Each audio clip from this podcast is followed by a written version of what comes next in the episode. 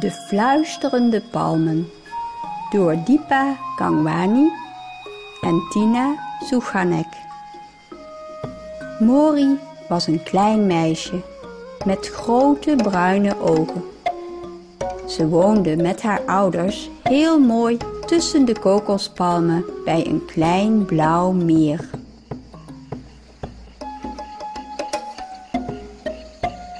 Iedere ochtend liep ze met een grote lege mand op haar hoofd naar het meer.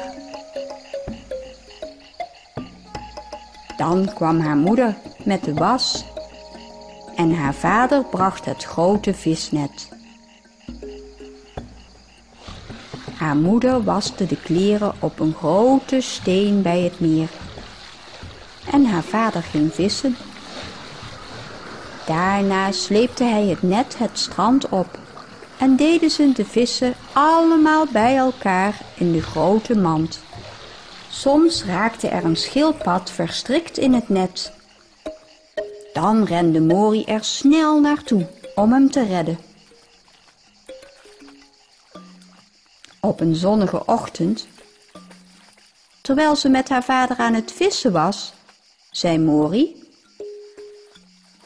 als we zoveel vissen vangen, zullen ze op een dag op zijn. Haar moeder lachte en stuurde haar naar school. In de schaduw van de bomen viel Mori's moeder in een onrustige slaap. Ze droomde van een meer zonder vissen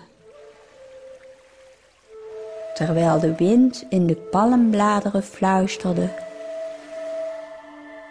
De wateren en het land hebben altijd voor je familie gezorgd. Maar nu moet jij op jouw beurt voor hen zorgen. Ze werd wakker met tranen in haar ogen, want ze wist niet hoe ze voor Mori kon zorgen zonder zoveel vis te verkopen. Ze zat de hele middag kokosmatten te weven, al denkend aan haar droom. Die nacht hoorde Mori haar ouders fluisteren. En de olielamp brandde tot diep in de nacht. De volgende ochtend gaf haar vader haar een kleinere mand. Hoe kunnen we alle vis in dit kleine mandje dragen? vroeg Mori. We zullen niet meer vissen vangen dan er in deze mand gaan, was het antwoord. Mori keek verbaasd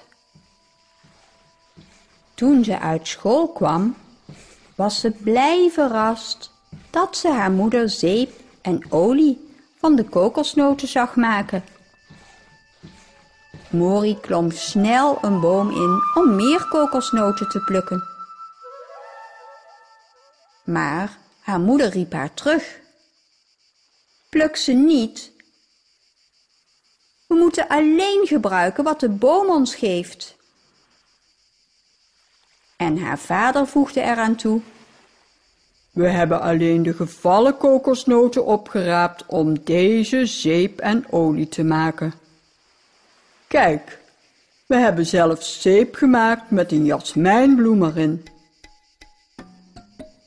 Sinds die dag maakte de familie bezems van palmbladeren en weefde matten van kokosnootvezel.